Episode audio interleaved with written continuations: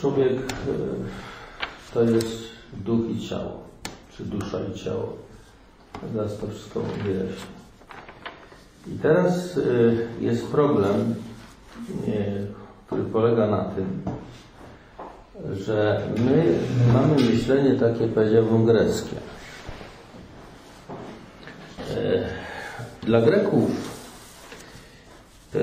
ciało to jest nasza fizyczność, zmysłowość.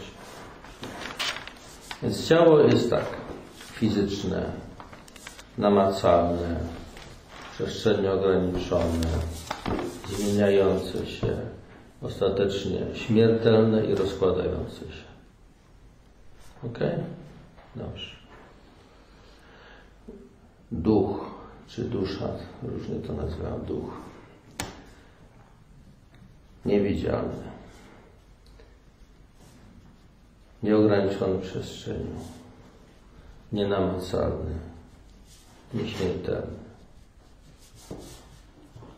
nierozkładający się. Tak? I teraz, jeżeli człowiek e, to jest, to są te dwie rzeczywistości, to tego się do kupy złączyć nie da nie, były różne próby rozwiązania jakby tego, jak to jest, że jest. Że to tak jest, no ale ostatecznie to i tak wychodzi na to, że, że duch jest e, w ciele jak w więzieniu. No i tylko wzdycha za tym, żeby się uwolnić. W związku z tym, jak święty Paweł na Areopagu mówił do filozofów greckich, wspaniałą przemowę. To jest 17 rozdział dziejów apostolskich, możecie sobie zobaczyć.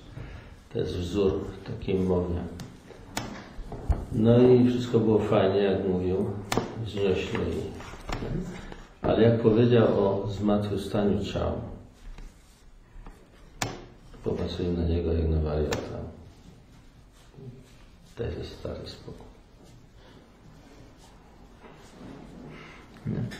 Natomiast w wierze chrześcijańskiej zmartwychwstanie jest fundamentem wiary. To o tym mowa jest. No i tu się zaczyna cały, powiedziałbym, problem. I to w teologii był problem też, jak to jest, tak dalej, bo to ludzie mieli taki problem, a jak człowieka spalili, rozsypali prąd, no to jak to wszystko do kupy pozbierać i zrobić z tego na nowo ciało, nie? A mnie go, nie daj Boże, jakie zwierzęta zjadłem. To następny problem.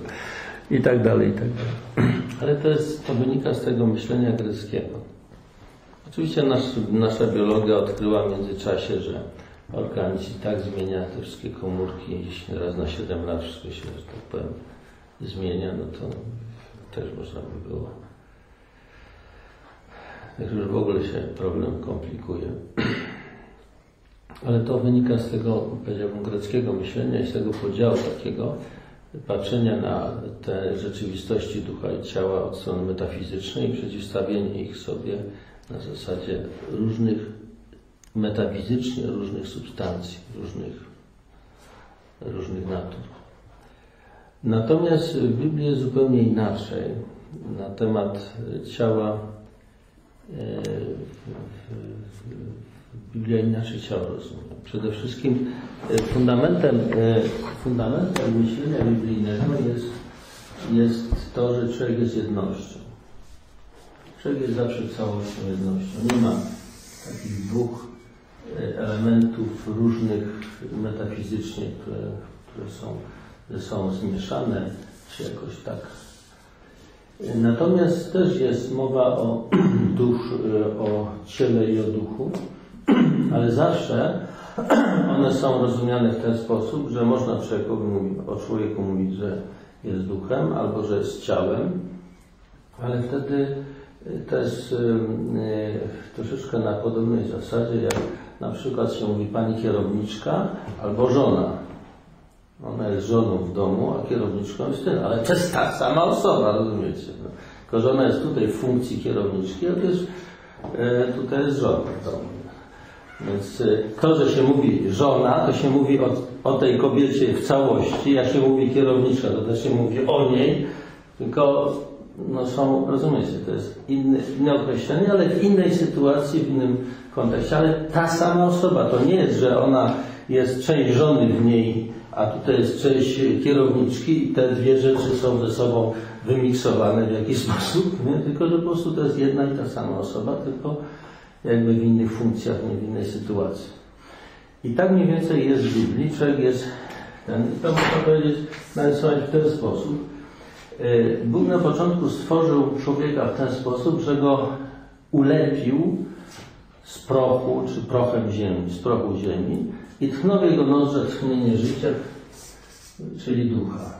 Bóg tchnął, tu jest duch, nie? I tu jest ciało, zostało wzięte z ziemi.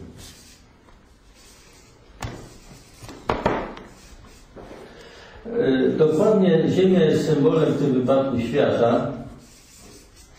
Świata. To chodzi o ten wymiar, e, e, ten wymiar powiedzmy nasze, naszego życia. I to są dwa elementy, ale to są jakby dwie, dwie strony jednego medalu. Mianowicie duch mówi o, o tym podobieństwie do Boga, że my mamy coś z Boga w sobie i w związku z tym niespokojne jest moje serce, póki nie spocznie w Bogu. Tak mówi święty Augustyn w wyznaniu. Niespokojne jest serce. Mało tego, człowiek na ziemi nie może się spełnić, bo po prostu ziemia jest, że tak powiem, dla niego zbyt płaska. To jest po prostu, tu się nie jest w stanie w pełni zrealizować ma coś, naddatek jakiś, który mu nie pozwala tutaj w pełni się zaspokoić. I to jest duch, który, który jest, mówi o jakimś misterium w nas, głębi, która nie daje nam spokoju e, w tym, we wszystkim, cokolwiek tu zdobywamy. Natomiast ciało mówi o tym, że jesteśmy z ziemi ziemskiej, musimy jeść, spać i tak dalej musimy w jakiś sposób żyć. E, jesteśmy e, tutaj jakoś związani z tym wszystkim, z tymi prawami życia. Przy czym teraz ja Wam jeszcze przeczytam, pokażę jak to u świętego Pawła jest. E, ja czytałem Wam poprzednio z Syracha i tam mówił, że ciało znaczy z ziemi i tak dalej się rozsypuje. To jest właśnie ta tajemnica. Natomiast przeczytam Wam o tej różnicy pomiędzy duchem i ciałem. Tutaj e, ciało, z ciała rodzi się nierząd, nieczystość, wyuzdanie, nie, nienawiść, spory, zabić, gniew, pogoń za zaszczytami itd. Tak to już mówiłem. I teraz chodzi o taką rzecz. E, ciało jest związane e, ze światem, przy czym e, świat w Biblii jest rozumiany przede wszystkim jako relacje międzyludzkie, czyli jako społeczność. Nie? Świat jako społeczność.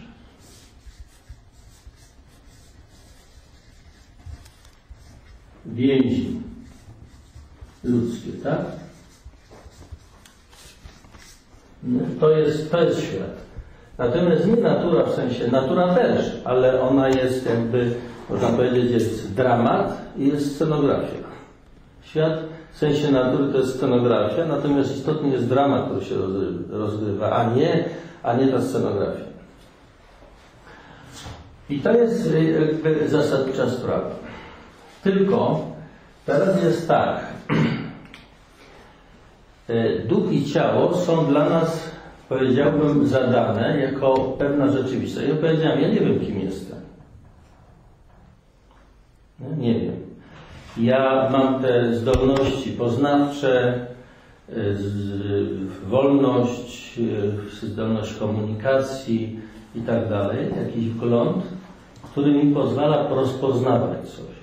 Ale to rozpoznanie odnosi się zarówno do ducha, bo czuję, że nie wszystko mi tutaj, nie wszystko jest mi w stanie tutaj zaspokoić, jak i do ciała pewnych konieczności, pewnych e, istniejących w tym e, potrzeb, pragnień, oczekiwań itd. I te dwie rzeczy są mi dane. I e, tutaj Ewageusz z Pontu e, mówi o takim trójpodziale. Mówi tak.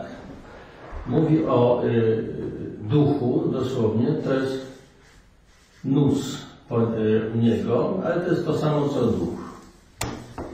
Nus dosłownie znaczy umysł. Potem jest psyche, to jest dusza. I potem jest soma, to się ciało. Taki trójpodział robi. Natomiast on de facto tylko w odniesieniu do psycha robi taki podział. Zostawia nus i somę osobno. Ja to narysuję Wam teraz tak, mi się wydaje, że to powinno być. Na dole. Mianowicie, to jest trochę miejsca. To jest moja, moje rozwiązanie tego problemu, bo ten trójpodział, w Biblii jest dwupodział. Trójpodział się pojawia tylko u świętego Pawła ale to jest tak napisane, że to można rozumieć jako dwupodział. Ja nie będę tutaj dyskutował z tym, nieważne. W jednym miejscu tylko w do chyba Tymoteusza. Podaje duch, dusza i ciało. Podaje tylko w jednym miejscu taki podział, ale to nie jest podział, tylko y, no nieważne, wyróżnia y, te, rzuca tymi. Natomiast wydaje mi się, że to jest w ten sposób. To jest moja koncepcja. Psychę, czyli dusza. Tak? I teraz y, my właściwie siebie przeżywamy, obserwujemy, doświadczamy, wybieramy i tak dalej. To jest cała ta nasza, ten nasz żywioł. My siebie czujemy i tak dalej. To jest wszystko tutaj.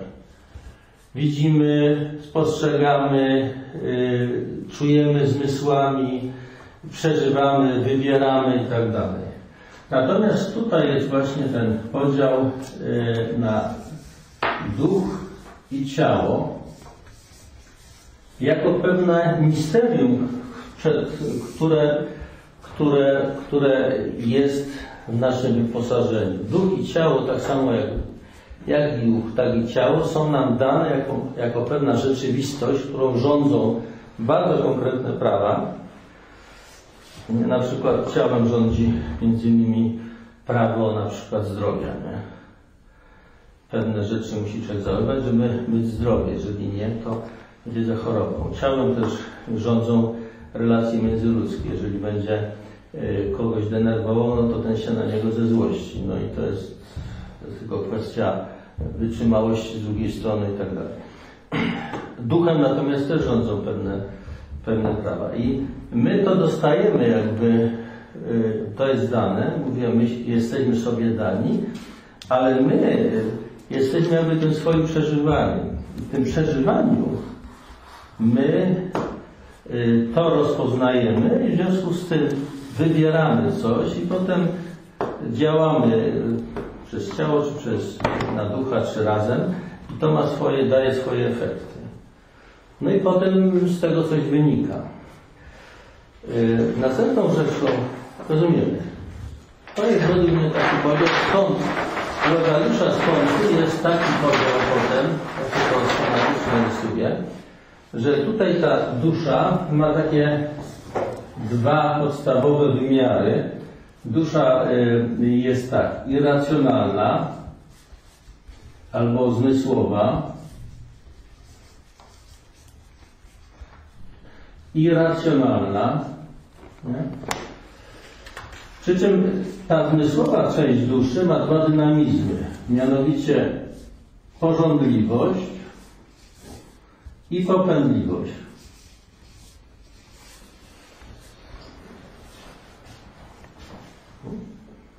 Racjonalna i racjonalna. W naturalny sposób oczywiście ta część racjonalna jakby, jakby jest bliska duch, duchowi, a irracjonalna ciału.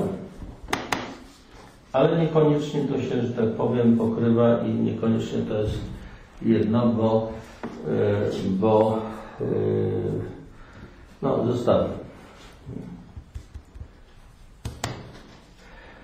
To jest taka podstawowa y, rzecz. I w duszy y, my przeżywamy i ducha, i ciało. I w duszy wybieramy. I teraz chciałem jeszcze jedną rzecz powiedzieć, bardzo ważną, taką. Mianowicie, nie, powiedziałem, nie wiem kim jestem, dlaczego jestem, po co jestem. Natomiast poznaję coś, wybieram. I to powoduje jedną bardzo ważną rzeczą, rzecz, mianowicie e, ja wybierając coś, w istocie wybieram siebie. To znaczy, najlepiej to widać oczywiście na takich prostych rzeczach, jak na przykład ktoś się zastanawia, jest w szkole średniej, w liceum i teraz co ja będę robił w życiu? Wybiera studia, i w związku z tymi studiami, tam medycyna, prawo, y, tam powiedzmy mechanika czy coś, jakby wybiera swój zawód, swoje miejsce w społeczeństwie i pracę i tak dalej. Oczywiście y, w praktyce to tak wygląda, że większość ludzi tak robi co innego. Ale nieważne. W każdym razie jest to, to wyraźnie widać, że ktoś wybiera, angażuje się w coś i w związku z tym staje się prawnikiem, lekarzem i tak dalej, jakąś funkcję konkretną w życiu, więc kreuje siebie. Nie? Mógł zostać zamiast adwokatem, mógł zostać na przykład nauczycielem historii czy czegoś, czy, czy, czy po prostu na przykład księgowym, nie? Albo, albo prowadzić przedsiębiorstwo jak, jakieś i tak dalej. Nie? Często ludzie zmieniają zawód, co on jest, ale ja pokazuję, tu jest taka zasada w tym wszystkim. I teraz y, ta zasada jest o wiele głębsza i szersza. Ona y, ma szczególnie to, że ja jestem lekarzem, czy jestem adwokatem, czy jestem akurat na przykład mnichem, to jest sprawa w pewnym sensie drugorzędna. Ważniejsze wybory są inne, takie, które y, określają mnie jako człowieka, który chce żyć i żyje, albo jest żywotrupem, jak ja to to jest ważniejsze. Te wybory są ważniejsze i czy jestem adwokatem, czy prawnikiem, czy sklepikarzem, czy przedsiębiorcą, czy mnichem, mogę być żywy albo mogę być martwy tak naprawdę, albo być taki lekko średnio pół, pół martwy, albo pół żywy, kto woli. I te wybory są najważniejsze. Dobrze może to widać przy wyborach moralnych. Na przykład, i to jest taka zasada. Ja wybierając coś, zawsze wybieram jakąś wartość. tak? Jakoś, zawsze jakąś wartość. To zawsze ma jakąś wartość. Wybierając wartość, ja tą, tej wartości służę. Natomiast, jak bardzo pięknie mówił ksiądz, yy, mówił ksiądz Tischner, wartość z kolei jakby mi odpłaca tym, że daje mi to swoją tożsamość.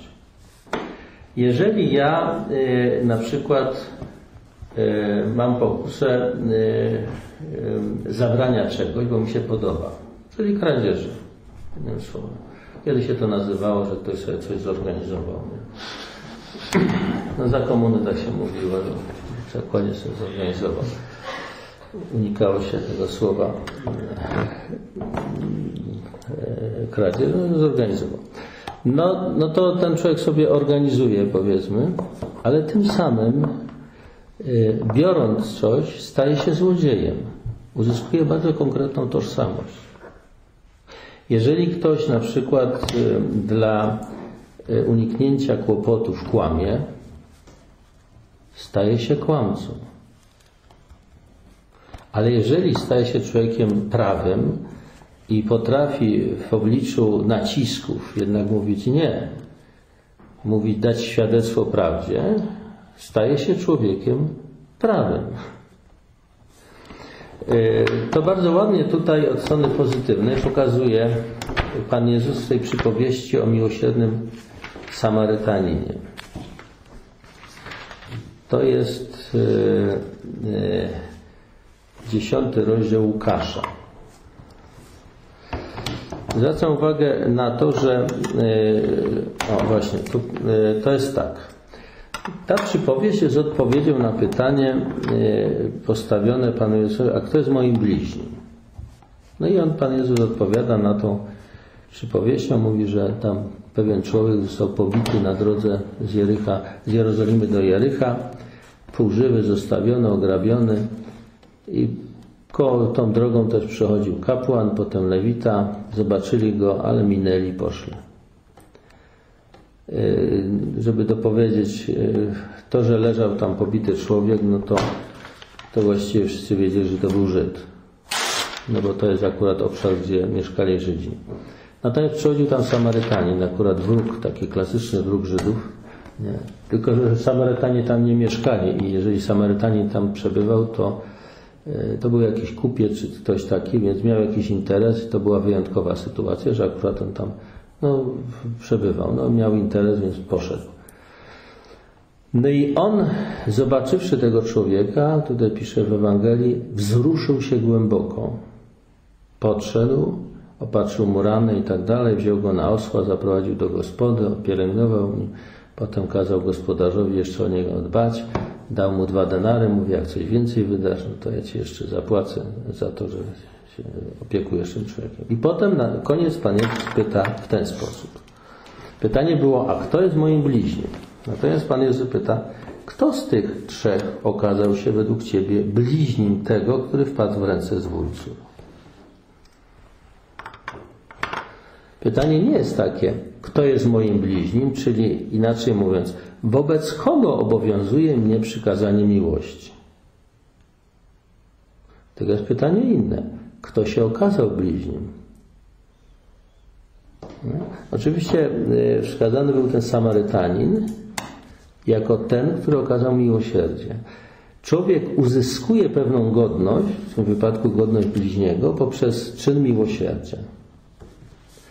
Jeżeli jeszcze, widzicie, połączy się tą przypowieść, tą wypowiedzią Pana Jezusa odnoszącą się do sądu ostatecznego, gdy Pan Jezus powiedział, coście uczynili jednemu z tych najmniejszych, mnieście uczynili, to już jesteśmy zupełnie w domu.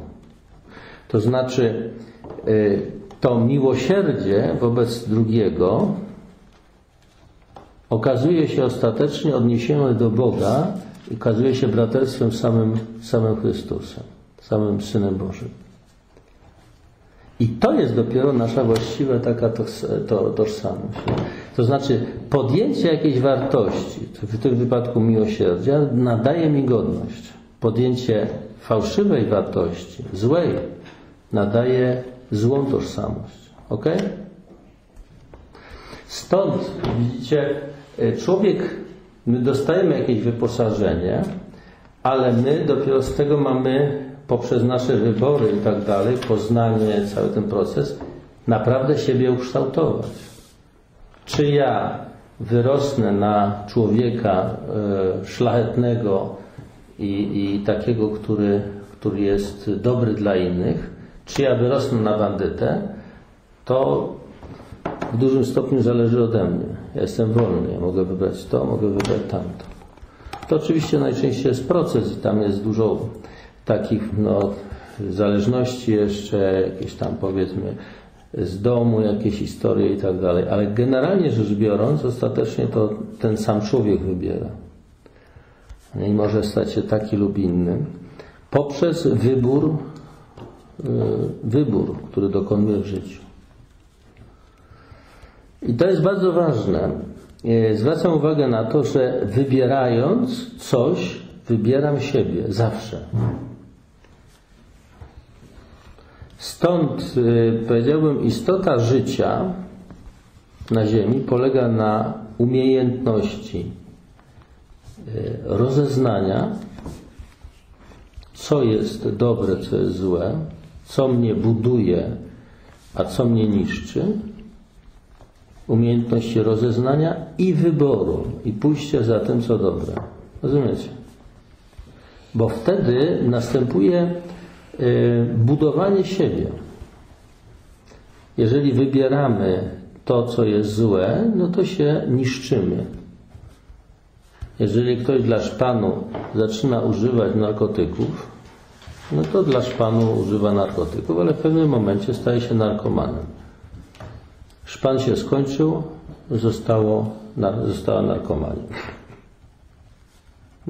Oczywiście cały czas będzie próbował szpanować i ciągle y, tam się podciągać do tego. Y, Gieroja będzie grał, czy coś takiego, ale de facto no po prostu jest wrakiem człowieka. No i tam można oczywiście przed sobą się jeszcze oszukiwać, kłamać sobie i tak dalej. Efekt jest taki. Ale to są wybory tego człowieka.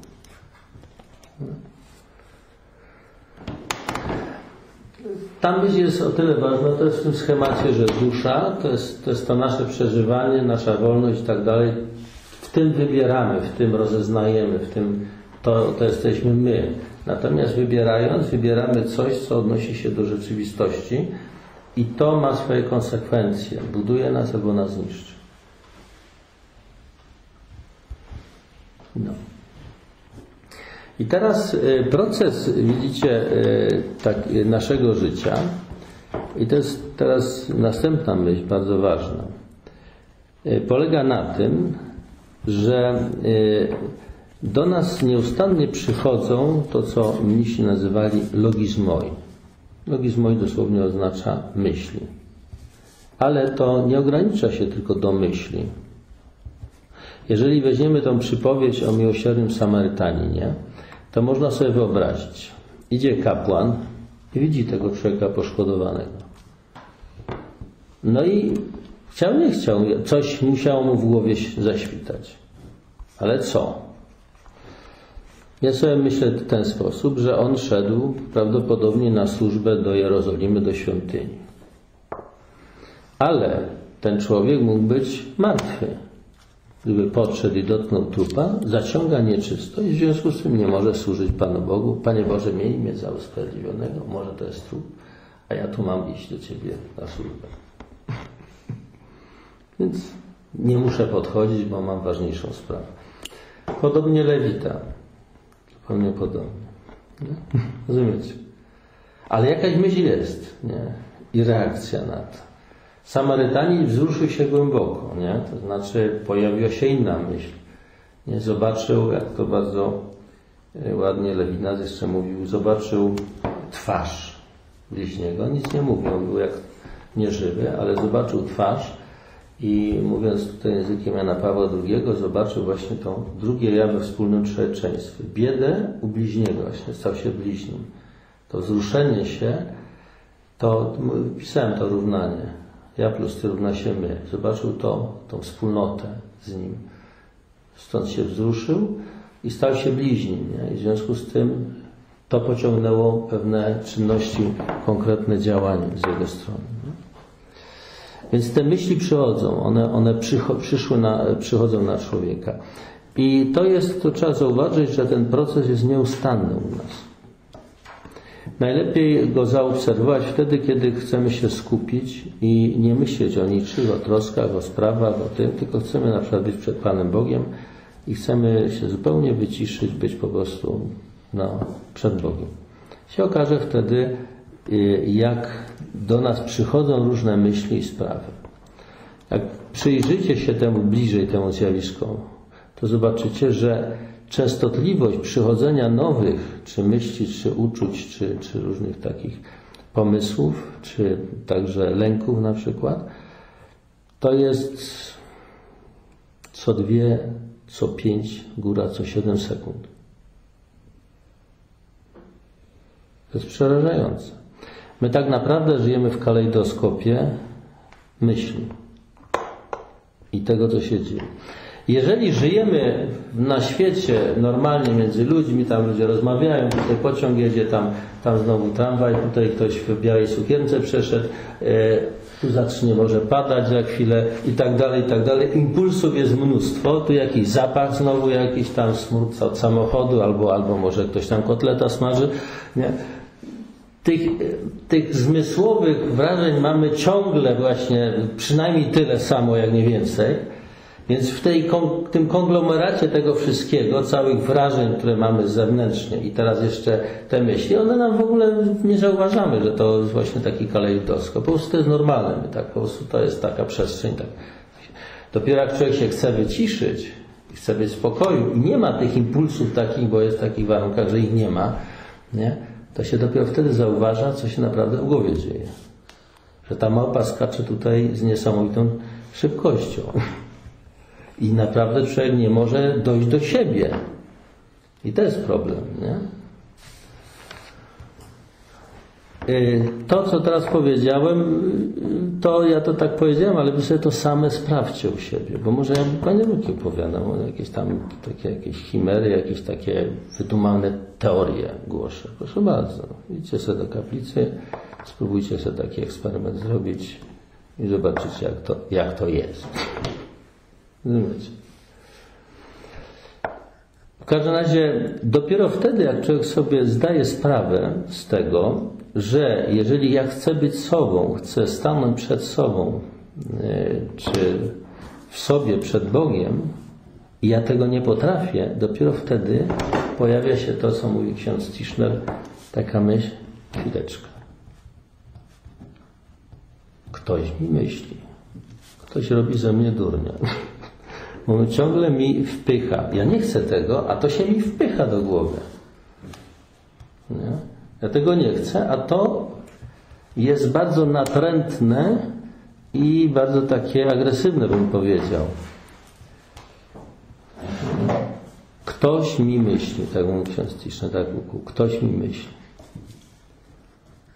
I poprzez to, że mi myśli, nie pozwala mi się tak naprawdę skupić i i rozpoznać dobrze wiele rzeczy. Bo ciągle mnie zalewa nowymi bodźcami, nowymi myślami, nowymi rzeczami, odrywa od czegoś, żeby cały czas. Zobaczcie, dzisiaj, e, e, jak zobaczycie telewizję, telewizja jest tak skonstruowana, że cały czas musi tam się coś dać, albo dźwięki, albo ten obrazy tak jak kalejdoskop nawet szybciej przeskakują, to właśnie jest dostosowane do tego i tak naprawdę utrzymują człowieka w ciągłym takim chaosie, żeby posłużył tylko tą, tym, naskórkowym takim przeżywaniem, nic więcej. To jest tak skonstruowane tak naprawdę. No. I teraz dopiero w momencie, kiedy człowiek naprawdę chce dojść do tego, kim jest, po co jest i tak dalej, chce do tego dojść, widzi, jaką ma ogromną przeszkodę na tej drodze. I wtedy to dopiero się ujawnia. Dlatego to najlepiej odkryli mnisi, a nie filozofowie czy jacyś inni, którzy, którzy żyli w społeczeństwie i, i próbowali tam jakąś ideologię dorobić do tego, do życia.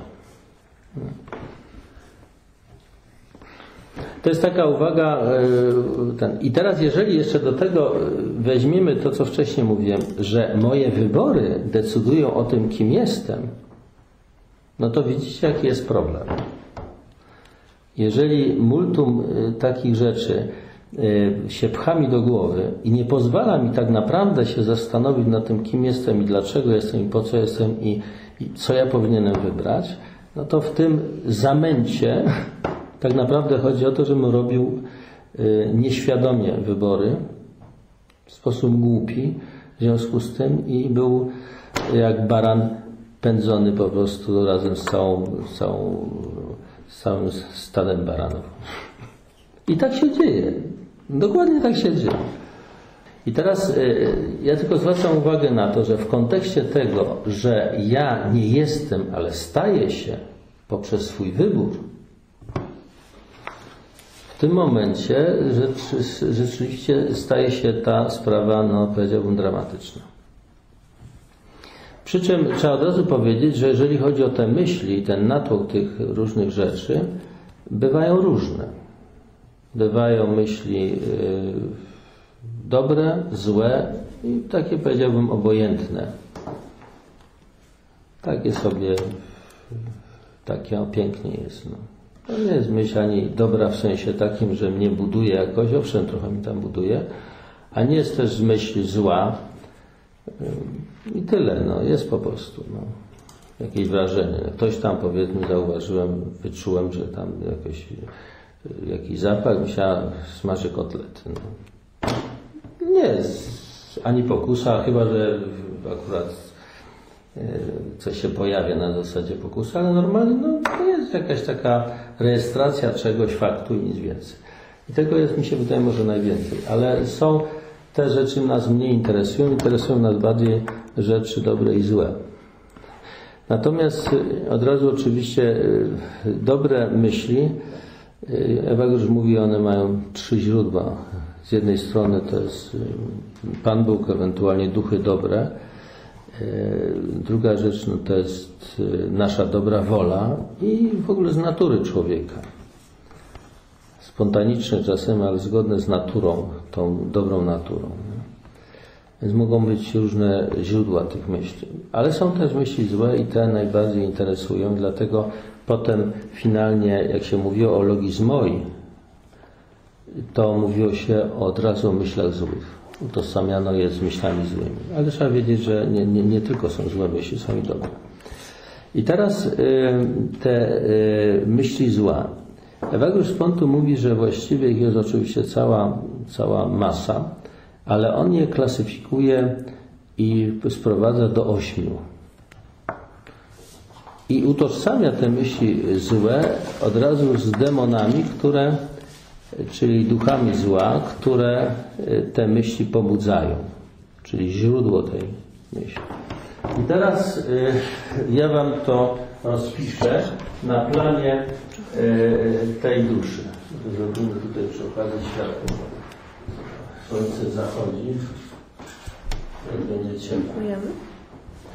Mianowicie mówiliśmy to dusza, dusza. Ona się dzieli na część racjonalną i irracjonalną. Tak? Tutaj są te dwa dynamizmy, porządliwy i popędliwy. I teraz tak, yy, zaczyna się to wszystko, że tak powiem, od tego, co pożądamy. Aha, jeszcze może powiem w ten sposób. Yy, Ewa już mówi tak, że Pan Bóg stwarzając tak człowieka, chciał, żeby on rozpoznał, co jest dobre, co jest złe, pożądał tego, popędliwość mu powinna dać tą siłę do zdobywania, do dążenia do tego i w ten sposób uzyskiwał y, wzrost, wzrastał. Natomiast po grzechu pierworodnym zostało zaburzone zarówno poznanie, jak i pragnienie. Zaczynał, zaczyna pragnąć tego, co jest niewłaściwe, ale z jednej strony dlatego, że źle rozpoznaje to, co jest dobre, a z drugiej strony przez przewrotność w sercu robi coś jakby na przekór, chociaż rozpoznaje jako dobre, robi y, źle. To jest y, siódmy rozdział listu do Rzymian, tam to jest opisane. I teraz on y, mówi o porządku. W tej części porządliwej on mówi o takich duchach zła. Pierwsze mówi o obżarstwie.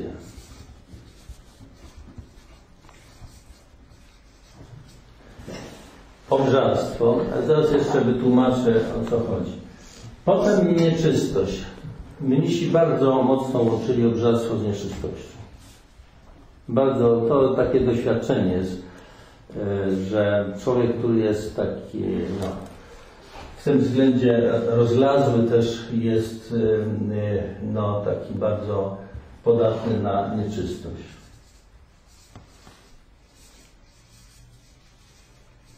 I chciwość. To są trzy y, duchy zła, które czy trzy takie złe myśli, które pojawiają się w dziedzinie pożądania. Natomiast mechanizm jest tego typu. Człowiek y, chciałby jeść, czasami się mówi jadłby oczami. No będzie się jadł, się napcha i zostanie z niestrawności i zamiast mu to dać radość, powoduje, że się źle czuje. Albo też, no, pożąda namiętności, rzeczywiście zaspokaja ją i potem jest frustracja. Albo pożąda na przykład alkoholu, no bo to mu daje takie rozluźnienie, a potem jest kac. I tak dalej. I, za, I to jest z reguły tak jest. Na tej zasadzie, że nic tutaj, co na ziemi, nie jest w stanie zaspokoić naszego głodu, prawdziwego głodu.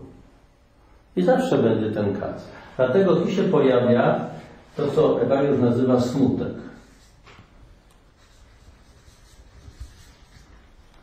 I gniew. Albo złość.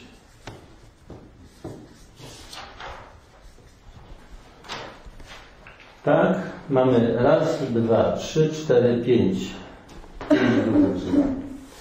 Mechanizm jest tego typu, że pożądamy czegoś, to nas nie zaspokaja, więc powoduje smutek. I smutek, jak ja jestem y, y, smutny, czy tutaj taki smutek rozumiany jako złość na siebie, to może być złość na to, że, że byłem nieopanowany, albo złość na to, że, że, że, że się źle czuję. On się często przejawia potem na zewnątrz, że jestem zły na innych. To jest jedno z drugim idzie w parze. Jak człowiek jest zły na siebie, to, to, to potem to i tak wychodzi na zewnątrz w postaci agresji w stosunku do innych. Natomiast kiedy ten mechanizm taki będziemy powtarzać, wchodzimy w pewien nauk, w pewien taki stan, którym robimy, to jest chyba w psychologii się nazywa torowanie, czy jakieś tam, tak? Jak to jest? człowiek wpada w, nau- w taki schemat działania, takie, że, że wypracował sobie w mózgu taki tor i wpada zawsze w te same kolejny i w ten sam schemat działania. I to tak można powtarzać w nieskończoność i to się tylko pogłębia. Za każdym razem coraz bardziej y, człowiek y, jest smutny, gniewny i tak dalej. I to się, ten stan, jaki on się utrwali, to się nazywa acedia. Acedia jest rodzajem choroby, to jest choroba. To nie jest y, jakieś konkretne pożądanie, czy y, jakiś konkretny brak, tylko jest to stan właśnie utrwalony tego y, smutku i gniewu. Z tego powodu to jest rozdarcie. Z jednej strony człowiek pragnie czegoś, a z drugiej strony tego nie ma i to jest ten stan takiej Y, tego dyskomfortu, takiej, takiej, takiego stresu, jest to, y, można czasami się mówić, duchowa depresja, albo raczej duchowy wymiar takiej, takiego dynamizmu maniakalno-depresyjnego. Bo właściwie to jest depresja, która się potem wyraża albo po prostu depresji w sensie takiego załamania się, albo próbę ratowania się przez aktywizm, nie? czyli y, taki maniakalny ten Y, dynamizm. Nie? E, to jest, I to jest acedia, która jakby jest owocem funkcjonowania przez jakiś czas w takiej strukturze. Tak. I teraz y, chodzi o taką rzecz, że acedia jakby jest zwieńczeniem tego i zawiera to, to wszystko. Ewageusz mówi w ten sposób, że jeżeli ktoś przezwycięża acedię, to znaczy przezwycięża wszystkie te rzeczy. Jak Acedię pokonał, to znaczy, że pokonał te wszystkie duchy. Mówi takie zdanie, po Acedii nie idzie żaden inny duch zła. Ale mówiąc o tych duchach w, w tej przestrzeni, w tej dziedzinie części racjonalnej, porządliwo-popędliwej. Teraz jest taka rzecz, i ja na to zwracam uwagę. Wydawałoby się, że jak człowiek pokona acedię, jest człowiekiem zrównoważonym. Nie da się ten, jest człowiekiem ascetycznym, bo to jest asceta, to znaczy umie sobie odmówić i w związku z tym jest uspokojony. Umie trzymać dyscyplinę wewnętrzną i tak dalej. Więc chciałoby się powiedzieć, jest no, to, co, o co chodzi. W pewnym sensie. Natomiast tutaj się pojawiają dwa duchy, jeszcze gorsze od tych wszystkich. Mianowicie to jest, y, y, to jest duch próżnej chwały i pycha. On je odróżnia. Mianowicie chodzi o taką rzecz, że człowiek, który to opanował, y, to jest pewien wysiłek, no co to znaczy wysiłek związany z ascezą, związany z powściągliwością, y, to, to trzeba było szerzej opisać. Ten człowiek jednocześnie widząc, że inni ludzie żyją pogrążeni w tych mechanizmach, czuje się człowiekiem, który coś osiągnął, jest, jest lepszy od innych. Tu się pojawia właśnie ta różna chwała.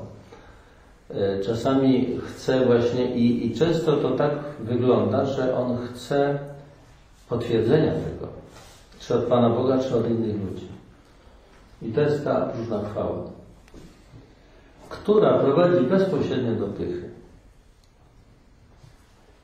Rozumiecie?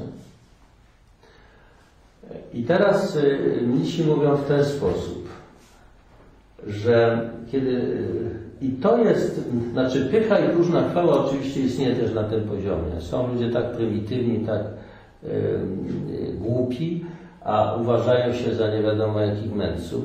Jest, ale ta próżna chwała i pycha na tym poziomie to jest tak prymitywne, że przecież się w głowie nie mieści. Natomiast w momencie, kiedy człowiek uzyskuje pewien poziom duchowy, to się staje naprawdę niebezpieczne i to się staje dopiero w tym momencie, dopiero pokazuje swoją diaboliczność. Ja zwracam uwagę na to, na przykład zauważcie, że wszyscy psychopaci typu Hitler, Stalin, to byli asceci. To nie byli ludzie, którzy rządzili dlatego, że chcieli zdobyć kasę. Ja nic nie słyszałem o tym, żeby Stalin na przykład odłożył sobie w Szwajcarii czy gdzieś, czy Hitler odłożył sobie jakieś pieniądze. To byli ludzie, którzy żyli ascetycznie. Ascetycznie w pewnym sensie. Oni żyli dla idei. Stąd oni popadli w to. Także to ma bardzo konkretne. Wszyscy, e, wszyscy tacy guru w sektach różnych to są ludzie, którzy w to wpadli. I to są często naprawdę asceci. Weźmiecie świadków Jehowy. Nie piją, nie palą, yy, nie cudzołożą, nie rozwodzą się i tak dalej. Nie oszukują, nie kradną. No wzór człowieka. No. Natomiast oni popadają w to. Jak będziecie rozmawiać, no to mają mnóstwo nienawiści do Kościoła, będą yy, sądzić księży, Kościół, papieża, wszystko przekreślać do piekła wstawiać. To jest to. Jest to. Także to, to, nie jest, to nie jest taka teoria, to, to, to ma swoje odbicie konkretne rzeczywistości.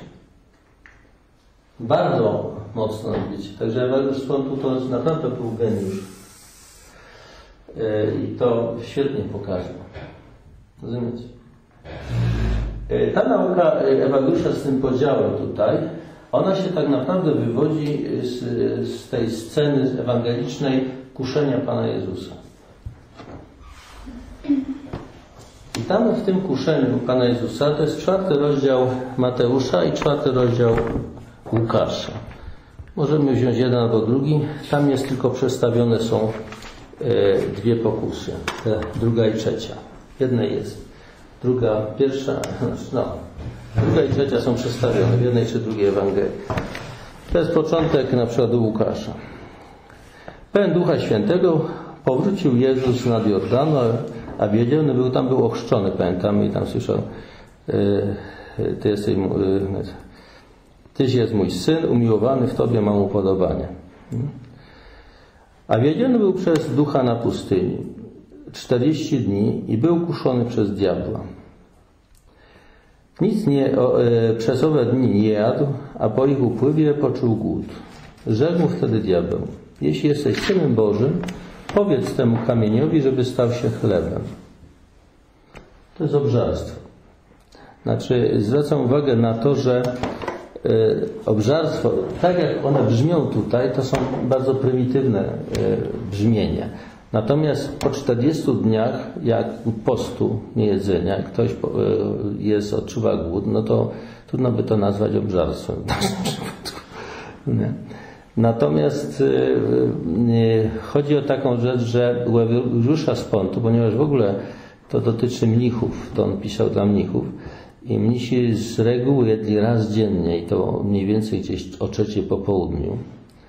Więc y, odczuwali głód. Głód to była ich normalna, y, powiedzmy, taka, takie doświadczenie. Niektórzy jadli raz na dwa dni, a byli tacy co raz w tygodniu tylko jedli. I to stale, nie że tak tylko przez jakiś krótki czas. Więc jeżeli mówiło się o obżarstwie, to się nie mówi o w tym kategoriach, że on się chciał e, najeść tak, że mu dziurkami od nosa wychodziło. Nie? Tylko, e, tylko chodziło o, o, o, o tą potrzebę, tak, tutaj w tym wypadku Pana Jezusa. I, I, ta pokusa e, to jest właśnie tego typu pokusa. Napisane jest, no, odpowiedział mu Jezus, napisane jest nie samym chlebem żyje człowiek tutaj w tym wypadku y, chodzi bardziej, każda z tych tutaj porządliwości trzech ma sobie, powiedziałbym, takie dwa, y, zawsze są dwie takie siły. Jeden to jest porządliwa, porządliwa, drugi jest lękowy. Człowiek chce jeść, bo, bo mu coś tam smakuje, na przykład, i, i pożąda tego, ale o wiele mocniejszy jest inny mechanizm lękowy. Jak nie zjem, to zachoruję. To mi się coś stanie, a nie daj Boże umrę. Jest lęk przed tym, że jeżeli nie zjem, i dlatego wtedy człowiek zaczyna szukać tak nerwowo, panicznie trochę coś do jedzenia, żeby, żeby mu się coś nie stało. I jeżeli Ewageusz mówi o obżarstwie, to mówi bardziej o tym drugim mechanizmie, o tym lękowym. Y, to samo zresztą, jeżeli chodzi o nieczystość. Nieczystość to nie tyle, że chęć wyżycia się na przykład seksualnego, bo to nie wchodziło w grę u mnichów.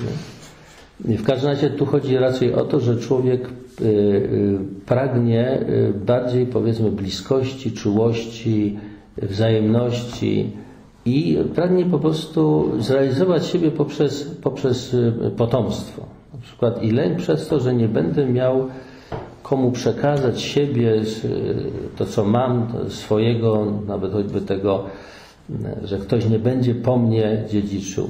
To dzisiaj dla nas nie jest może tak ważne, ale w, w starożytności było wiele bardziej ważne. Tym bardziej, że na przykład dla Żydów to było tak, że syn miał obowiązek modlenia się za ojca. Nie? Czyli ten potomek przejmował jakby odpowiedzialność za ojca. Zresztą też wtedy było tak, że dzieci utrzymywały na starość rodziców. Dzisiaj ZUSy mamy i tak dalej i w związku z tym możemy sobie hulać po świecie, a, a ZUS nas utrzyma. Nie? Oczywiście to jest, mm, ZUS zbankrutuje na najbliższym czasie, na naszych oczach i prawdopodobnie bardzo dobrze. E, szkoda tego trupa utrzymywać. Co w ogóle to trzeba inaczej ustawić. No. Może wreszcie ludzie zmądrzeją. Ale to przez to się dużo zła robi. Ale w każdym razie tu chodzi o ten, ten lęk, że, że nie będę miał, e, na przykład nie będzie mi kto miał herbatę pod łóżka czy coś. No, tego typu lęk. Bardziej niż taka chęć wyżycia się erotycznego. To, to nie jest takie prymitywne, to jest subtelne. I tutaj macie do czynienia z tą subtelnością w przypadku tego, tej pokusy, nie? I Jezus odpowiada, nie samym chlebem żyje człowiek. Czyli tutaj zaufanie Bogu, wbrew temu lękowi, że mi się coś stanie, że umrę, że, że ten, jest, nie samym chlebem żyje człowiek.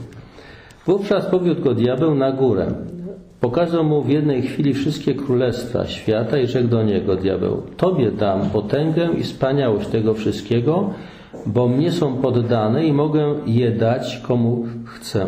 Jeśli więc upadniesz i oddasz mi pokłon, wszystko będzie Twoje. No. Lecz Jezus mu odpowiedział: Napisane jest: Panu Bogu swemu będziesz oddawał pokłon i Jemu samemu służyć będziesz.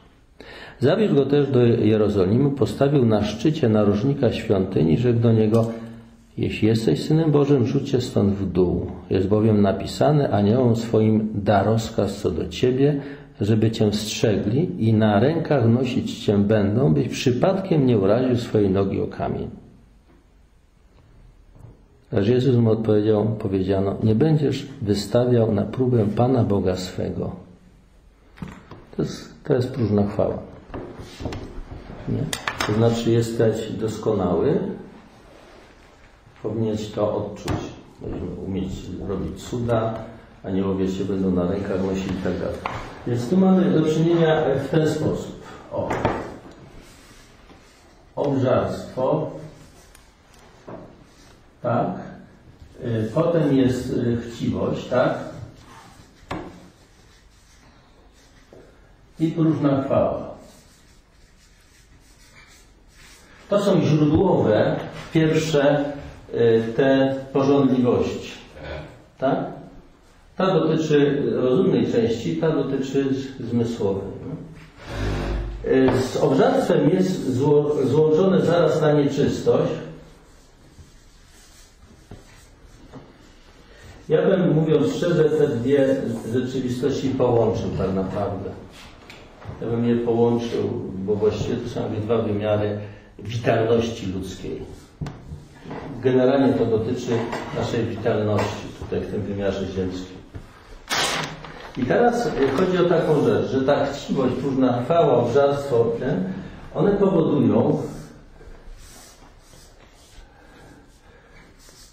yy, powodują, że tutaj się pojawia smutek i gniew. Ponieważ one nas nie są w stanie zaspokoić. Jeżeli ulegniemy tym pokusom, nie? nie jednak tam to okaże się, że nam to obietnica dawana w tej pokusie nie dorasta do tego, co naprawdę potrzebujemy i zawsze będzie rodziła w nas frustrację, właśnie smutek i gniew.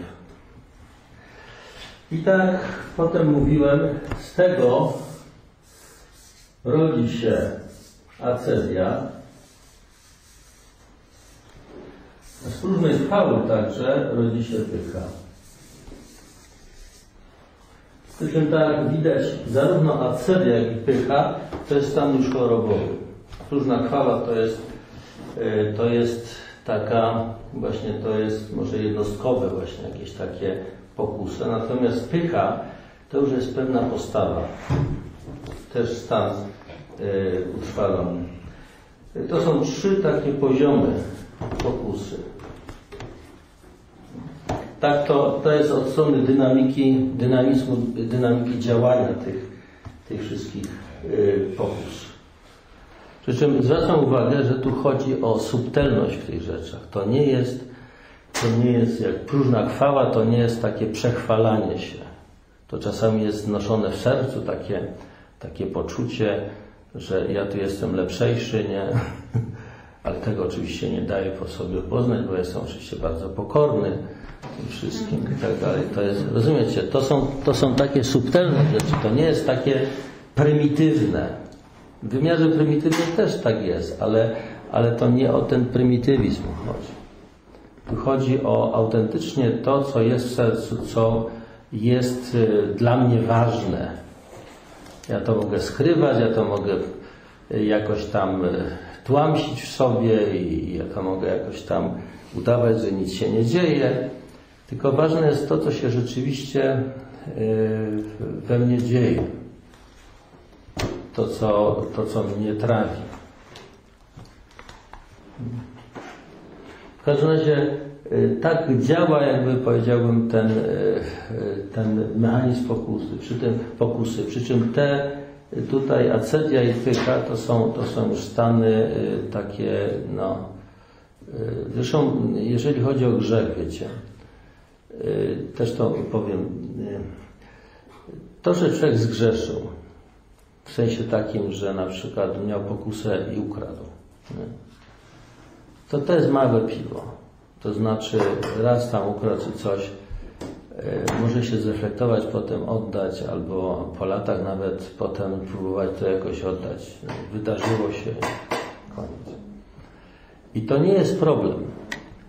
O wiele ważniejsze jest to, co człowiek robi z tym, co zrobił, albo z tym, co spotkał. To jest problem.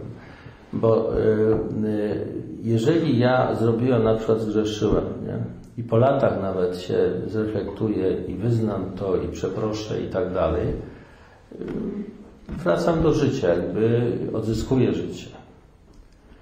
Natomiast najgorsze jest, najgorsze jest to, co ja z tym właśnie robię. Jeżeli ja nawet okazałem się, tak, tutaj w ten miłosierny, miłosierny, i potem sobie powiem, no tak, ja jestem taki szlachetny, ten kapłan i lewita to tacy po prostu, no takie dziady, nie? ich nie było stać na to, a, ja tu jestem taki dobry. To jest posprzątane.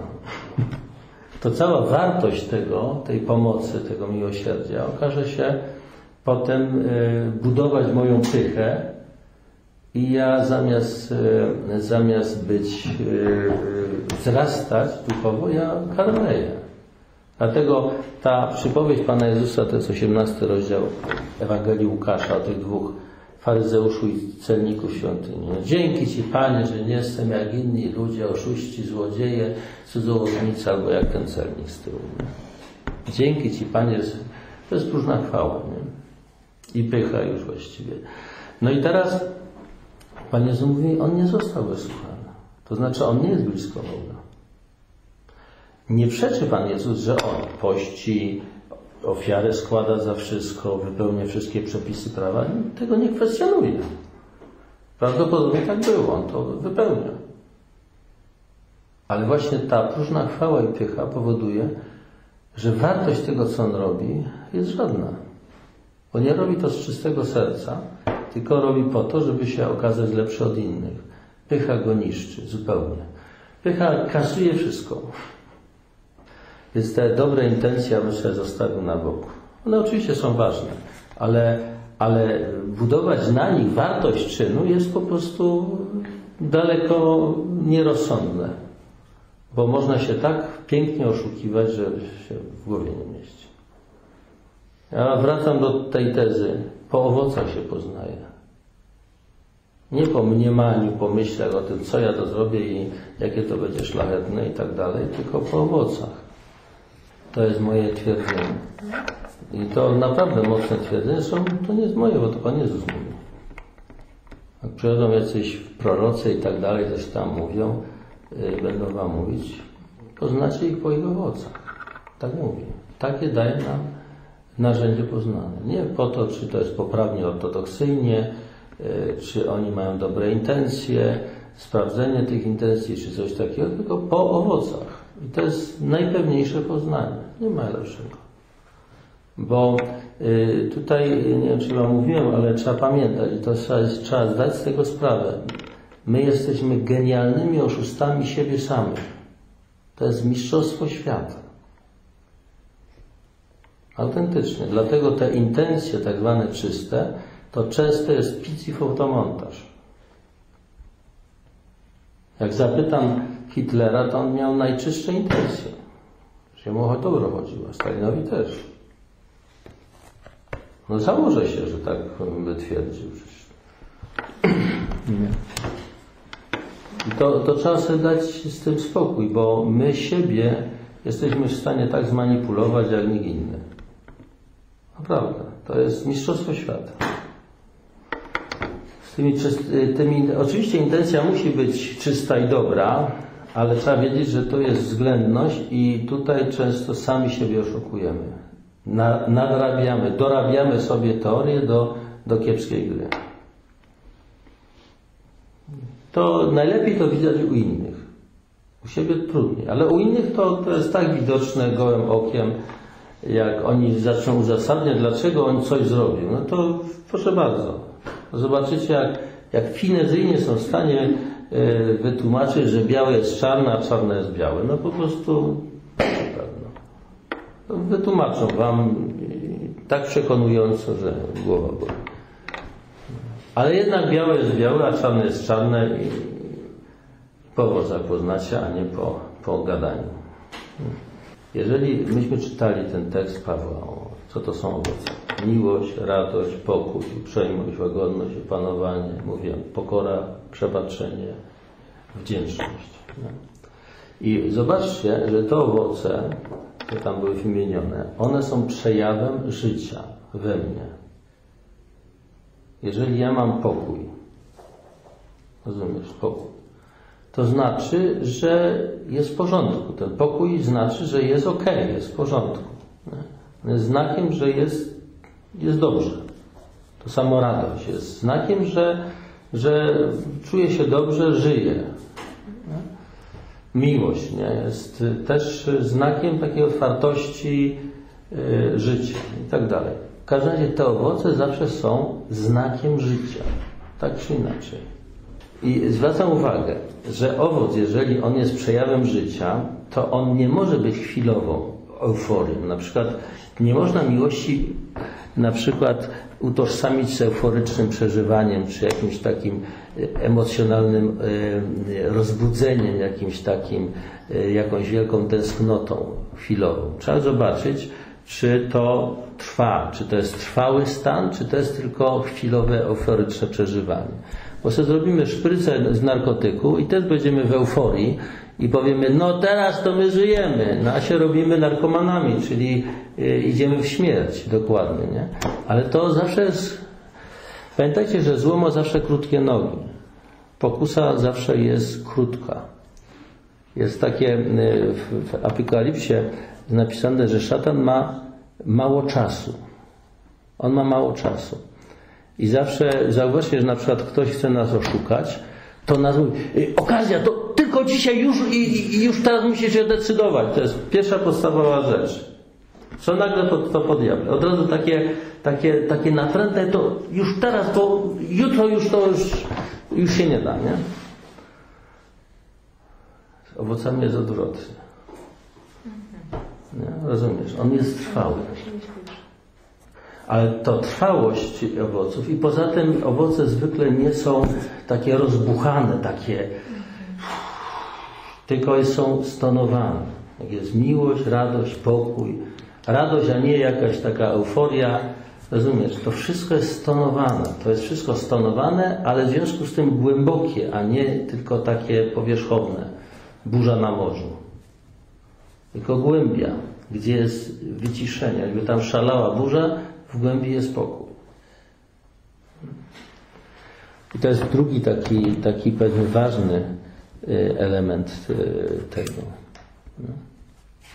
Bo tutaj widzicie znowu to się znowu wszystko, działanie tego, potem się daje owoc odpowiedni. Tutaj będzie smutek, gniew, złość, zapalczywość, to wszystko to, co się rodzi z ciała, jak mówi yy, święty Paweł się do Galatów. Nie? A acedia to już jest stan taki depresyjny. I tu jest dopiero, tu jest dopiero istota grzechu. To jest stan grzechu, beznadziejności, rozpaczy. Przy czym u Ewaldusza z Fontu acedia nie jest grzechem. To jest wynik, to jest choroba, wynik e, wcześniejszych wyborów. Zresztą w ogóle ta struktura nie jest strukturą grzechu, tylko strukturą złych wyborów egzystencjalnych. Ona jest taka, powiedziałbym, w pewnym sensie bardziej podstawowa, nie na poziomie moralnych ocen, tylko wyborów, które rodzą pewne efekty y, egzystencjalne, życiowe.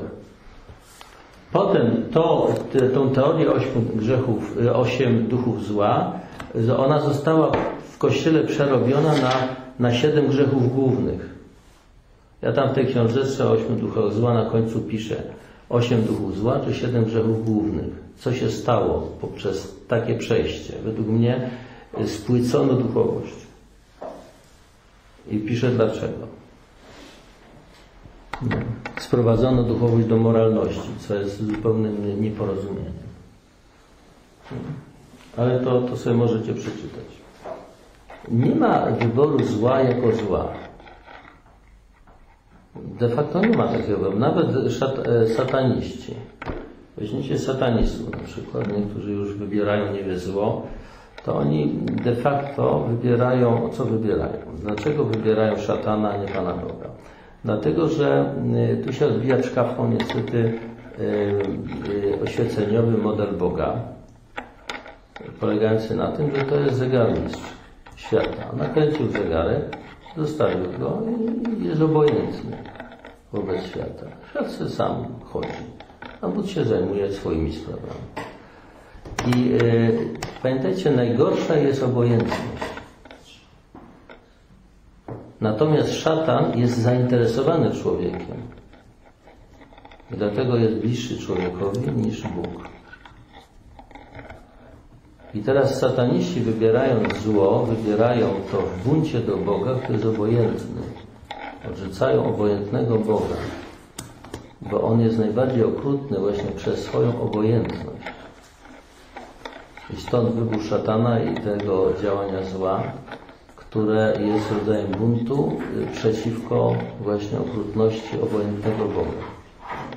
Także w zapleczu i tak przy, w tych wyborach jest jakaś, jakieś, no oczywiście to jest mentalne zawirowanie jakieś. Jak mówiłem, my jesteśmy geniuszami w oszukiwaniu siebie. I, I tutaj zawsze coś wymyślimy. Także nawet do tego stopnia, że nazywamy białe czarnym i to jest tak tutaj w tym wypadku, nie? Ale, ale zawsze w tym myśleniu, w tym, w tym y, uzasadnieniu tego jest właśnie jakiś element dobra. Nie, nie, ma, nie można wybierać zła dla zła. Można je wybrać na przykład y, zło jako takie, jako coś, co mnie na przykład podnieca, co, mnie, co mi daje jakąś takie satysfakcję, jakieś takie poczucie siły, ale to poczucie siły i wyższości to też jest dla tego, który to wybiera, jakimś dobrem. Rozumiecie? Zawsze mu to daje jakieś tam właśnie y, doznania jakieś takie, które go właśnie y, pobudzają, dają mu właśnie takie poczucie, no, ale to też jest jakieś dobro. Nie ma, nie można wybrać zła y, czystego dla zła. Zło zawsze musi mieć w zapleczu jakiś tam element pozornego dobra. To już święty Tomasz Akwinu mówił w ten sposób. I tym się różni zło. I nie ma w związku z tym symetrii, że jest e, zły Bóg, Bóg i dobry Bóg, tak jest w manicheizmie, nie? nie? I że między nimi tak czarne i biało, nie? Że to jest jakaś symetria. Nie ma takiej symetrii. Bo zło nie może istnieć bez dobra, a dobro bez zła może istnieć. No taka jest różnica. I ona jest metafizyczna. To jest tak samo jak rak nie może żyć bez organizmu, na którym żaruje, a organizm może być zdrowy i, nie mieć raka. To jest tego typu różnica, metafizyczna zupełnie. Zresztą rak jest bardzo dobrą ilustracją zła czy, czy grzechu. Jest bardzo dobrą taką, takim obrazem, czym jest zło yy, w życiu człowieka. Bardzo fajna, taka bardzo dobra metafora.